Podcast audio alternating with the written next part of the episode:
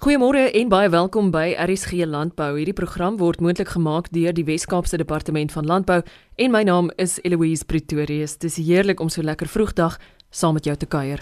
Vanoggend se program is soos altyd vol tegniese inligting en ons gesels met kenners wat jou sonder twyfel met goeie en praktiese raad gaan bedien. Nou ja, die Wêreld Hondsdolheids Bewusmakingsdag is die afgelope week gedenk en dis altyd 'n goeie geleentheid om meer oor die saak te weet te kom en waar inligting vrylik beskikbaar is. Maar wat daarvan as jy dalk voel dat nie al jou vrae volledig in die proses beantwoord is nie? Wel, indien dit die geval is, gaan ons nou heel party van daardie vrae aanspreek. Dr. Annelie Kloete is 'n staatsveearts en gestasioneer op Elsenburg net buite Stellenbosch. Ek het haar eerste uitgevra oor voorkomende behandelingsprotokolle en potensiële siektebeheer met betrekking tot hondsdolheid. Ek dink die belangrikste deel hierso dit onthou dat hondsdolheid is 'n dodelike virussiekte wat die brein aantas en gewoonlik deur buite oorgedra word. Ek dink die belangrike boodskap wat ek graag wil gee is dat dit baie maklik is om hierdie siekte te beheer. Dis nie 'n moeilike storie nie. Ons dieresiekte-wet maak voorsiening daarvoor en daar's eintlik voorskrifte dat alle honde en katte moet ingeënt word teen hondsdolheid. En die voorskrif lys sodat daar moet 'n primêre reeks wees wat eerste op ouderdom van 3 maande honde en katte ingeënt word en dan binne 'n jaar moet daar 'n kraagdosis wees en van daar van daar af is dit 3 jaarlikse inenting vir diere wat net normaal by die huis bly gewoonlik genoeg. As diere reis, is 'n meer gereelde inenting en daarvoor is dit baie nodig dan om jaarliks in te ent omdat die invoerland dan vereis vir dat die onsoluit inenting redelik onlangs mis plaasvind. Die rede daarvoor is dat die grootste risiko vir ons as mense om onsoluit op te doen is as gevolg van kontak met honde.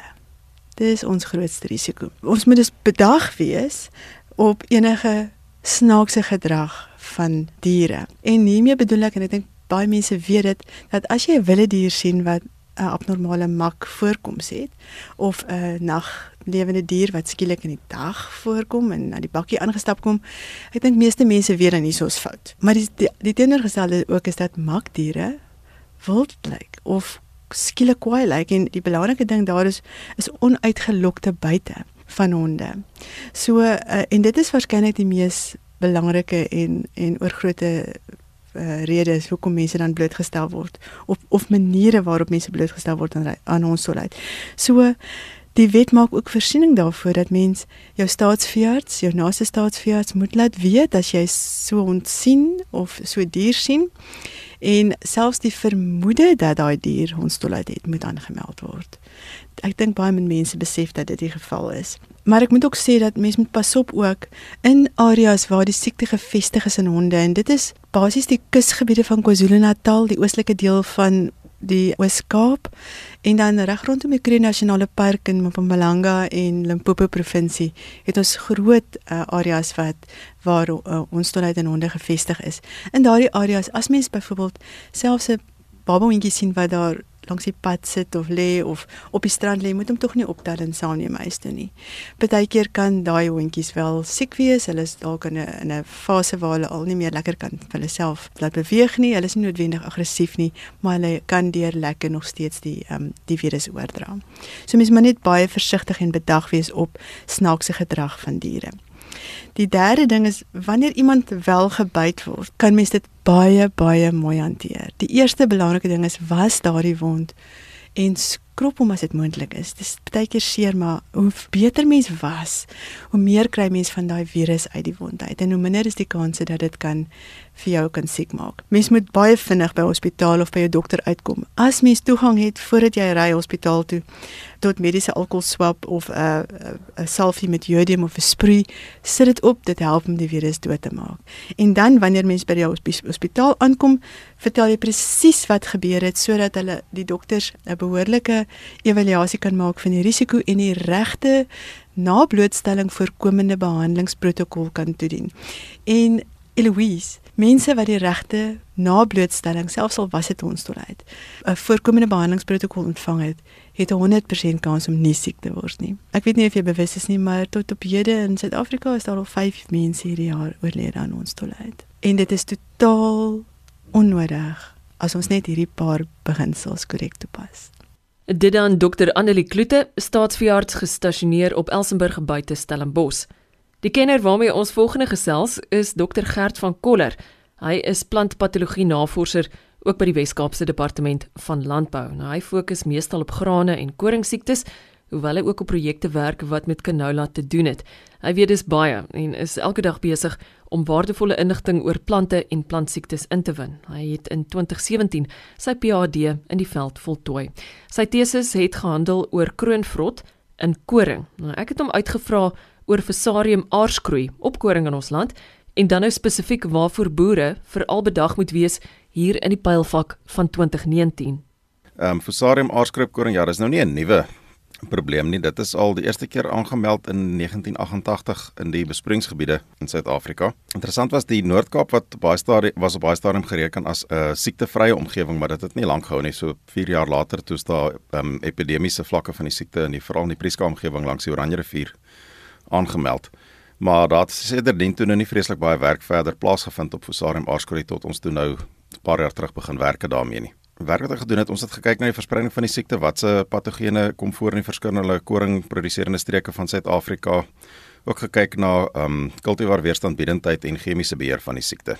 Die Engelse naam is eintlik die meer algemene ene. Dit is Fusarium head blight of head blight of net weed scab. Is ook 'n internasionaal bekende naam van die siekte. Dit is iets wat die um, boere in die binneland, die koringboere in die binneland ken almal aarskroei. Ons praat gewoonlik maar net van aarskroei almal die boere in die binneland ken aarskroei baie goed. In die Wes-Kaap is dit minder bekend um, omdat dit 'n siekte is wat veral onder besproeiingsgebiede voorkom, maar dit kom in die Wes-Kaap ook voor. Ons het dit in die Wes-Kaap al ook al by baie redelike hoë vlakke daarvan gesien. Hoe weet mense jy het dit? Die simptome is baie baie kenmerkend. Ehm um, dit is van die koring is op sy vatbaarste tyd ehm um, as die koring in blom ingaan. Daai vensterperiode in blom is sy vatbaarste tyd. Voor blom is die plante nie regtig vatbaar nie. Tydens blom is dit baie vatbaar en dan na blom is dit minder vatbaar alhoewel dit steeds vatbaar is. Maar jou simptome sien jy gewoonlik so in sagte deeg. As die koring as die are is nog mooi groen, maar dan begin jy sulke enkele blompakkies kry wat um, verkleur en dan wit word en dan dis sien jy basies sulke wit segmente op jou op die are. En hierdie wit segmente is die is die duidelike um simptoom van aardskroei. Daar's nie ander. Daar's ander siekte, um as 'n ander koringsiekte internasionaal wat gelukkig nog in Suid-Afrika is nie, um wheat blast wat soortgelyke simptome veroorsaak, maar dis nog nie dis genadiglik nog in Suid-Afrika nie. So daai simptome, daardie um wit verkleuring van 'n gedeelte van die aar is die kenmerkende eienskap van dis mense siekte uitken. Ander siektes soos vrotpootjie en fusarium kroonvrot lei ook tot wit are, maar dan is die hele boogrond, die stam en die aar alles wit wat verkleur omdat dit afgesterf het. Terwyl by Fusarium aarskroei is net 'n gedeelte van die aar wit. Net die wit klink nou al so wat, maar die rede is die korrels wat ontwikkel in daai blompakkies gaan dood en so dit is 'n uh, oesverlies op die einde van die dag. Wat maak 'n mens nou wanneer dit 'n realiteit word? Die beste manier om die siekte te beheer is voorkomend. Kultivar weerstandbiedendheid word internasionaal beskou as die belangrikste hulpmiddel om die siekte te bekamp en daar's geweldig baie werk gedoen internasionaal daarop en ons is uiteindelik ek kan gelukkig sê ons het nou 3 jaar se veldwerk gedoen daarop ons het ook 2 jaar se glashuiswerk gedoen daarmee en ons het kultivars geïdentifiseer met ja met herhaaldelike werk wat ons gedoen het in die veld en die glashuis het ons kultivars geïdentifiseer wat redelike goeie vlakke van weerstand het wat goed vergelyk met wat ons al in, in, in ander studies raak gelees het. Ehm um, een van die saadmaatskappye is ook besig met weerstand weerstandbiedende kultivars van oorsee af in te bring in Suid-Afrika en kruisings te doen om weerstandsgene oor te dra. Dit is 'n lang proses want dit is daar's baie teeling en terugkruisings wat moet plaasvind. Maar die goeie nuus wat ons gekry het is na werk ons gedoen het is ons het gesien dat daar ons in ons eie plaaslike kommersieel beskikbare kultivars ehm um, kultivars het wat 'n uh, soortgelyke vlak van weerstand het as um, die goed wat ingebring word. So dit dit skakel daai hele telingsproses met ander woorde dan uit. So dit is dit is goeie nuus vir die vir die boere op een van die dag. Chemiese beheer is ook 'n uh, baie belangrike komponent van die siekte. Dit kan maar jou baie belangrike deel is om goeie bedekking van die aard te kry. Om jy koringare regop staan, die koringplante staan nou regop as jy dan mee bespuiting kom, moet jy goeie nozzels hê wat die um, bespuitaksie teen 'n hoek inspuit sodat die aar goeie bedekking kry. As jy nie goeie bedekking van die aar het nie, dan is jou chemiese beheer gaan dan regtig waar nie goed wees nie. So en jy ander 'n belangrike ding van chemiese beheer is jou tydsberekening. Vroegblom, volblom, daai tydperk is crucial om dan om dan jou bespuiting in te kry. Internasionaal studies wat 'n uh, groot meta-analise wat gedoen is van chemiese beheerwerk in Amerika het gewys dat ehm um, tebuconazole en prothioconazole die middels is wat die beste resultate gegee het om Fusarium aardskroei te beheer. En die chemiese beheer proewe wat ons gedoen het, het um, oor 2 jaar in, um, met veldstudies het dit nogal redelik bevestig ook in Suid-Afrika.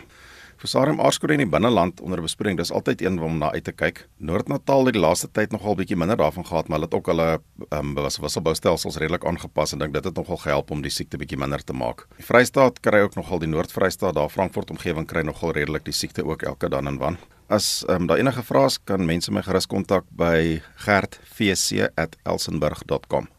Die rede hoekom Fusarium aardskroei so internasionaal so geweldige probleem is, is dit veroorsaak skade op drie vlakke vir die produseerder. Eerstens dit lei tot oesverliese en tweedens dit lei tot afname in graankwaliteit. Maar derdens en baie belangrik is dit lei ook tot kontaminasie van graan met mikotoksine. Die mikotoksine is met sekondêre metaboliete wat deur die swam geproduseer word. Dit is deel van die swam se normale metabolisme, maar dit word afgeskei in die graan in. Dit is baie van die sekondêre metaboliete van die mikotoksine um, is nodig vir die patogeen om siekte te veroorsaak. So hy skei dit nou nie net om een of ander snaakse rede af hy, hy skei dit af om siekte te kan veroorsaak, help om siekte te veroorsaak. Die probleem is soos die naam sê, dis mikotoksine. Miko beteken swam en toksine is toksine. So dis toksine wat deur swam geproduseer word. Veral twee mikotoksine wat geweldig belangrik is met Fusarium aardskroei en dit is dis nou 'n bietjie tegniese name die oxinovalenol en zearalenone. En albei daardie is van die is onder die vyf belangrikste mikotoksine wêreldwyd. Die oxinovalenol is veral vir dierevoeding 'n belangrike aspek. Um, graan wat afgegradeer word na voerkwaliteit, dit is dit by by varke byvoorbeeld lei dit tot wat hulle noem feed refusal. Diere dit nie wil die voer nie wil eet nie en dit lei tot afname in liggaamsmassa. Dit is 'n belangrike proteïen in die proteïensintese in die beerder.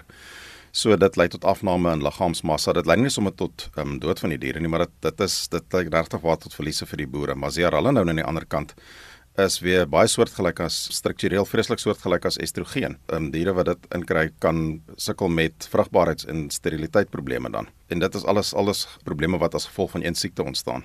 In Amerika byvoorbeeld van 1998 tot 2001 het die het daai een siekte meer as 3 miljard dollar se skade veroorsaak. Um, in Suid-Afrika is ons eintlik nogal redelik gelukkig. Ons het nog nie vreeslike groot epidemies van die siekte gehad nie. Dit is omdat die siekte so geweldig afhanklik van van die regte klimaat is. Maar ons weet die siekte kom hier voor.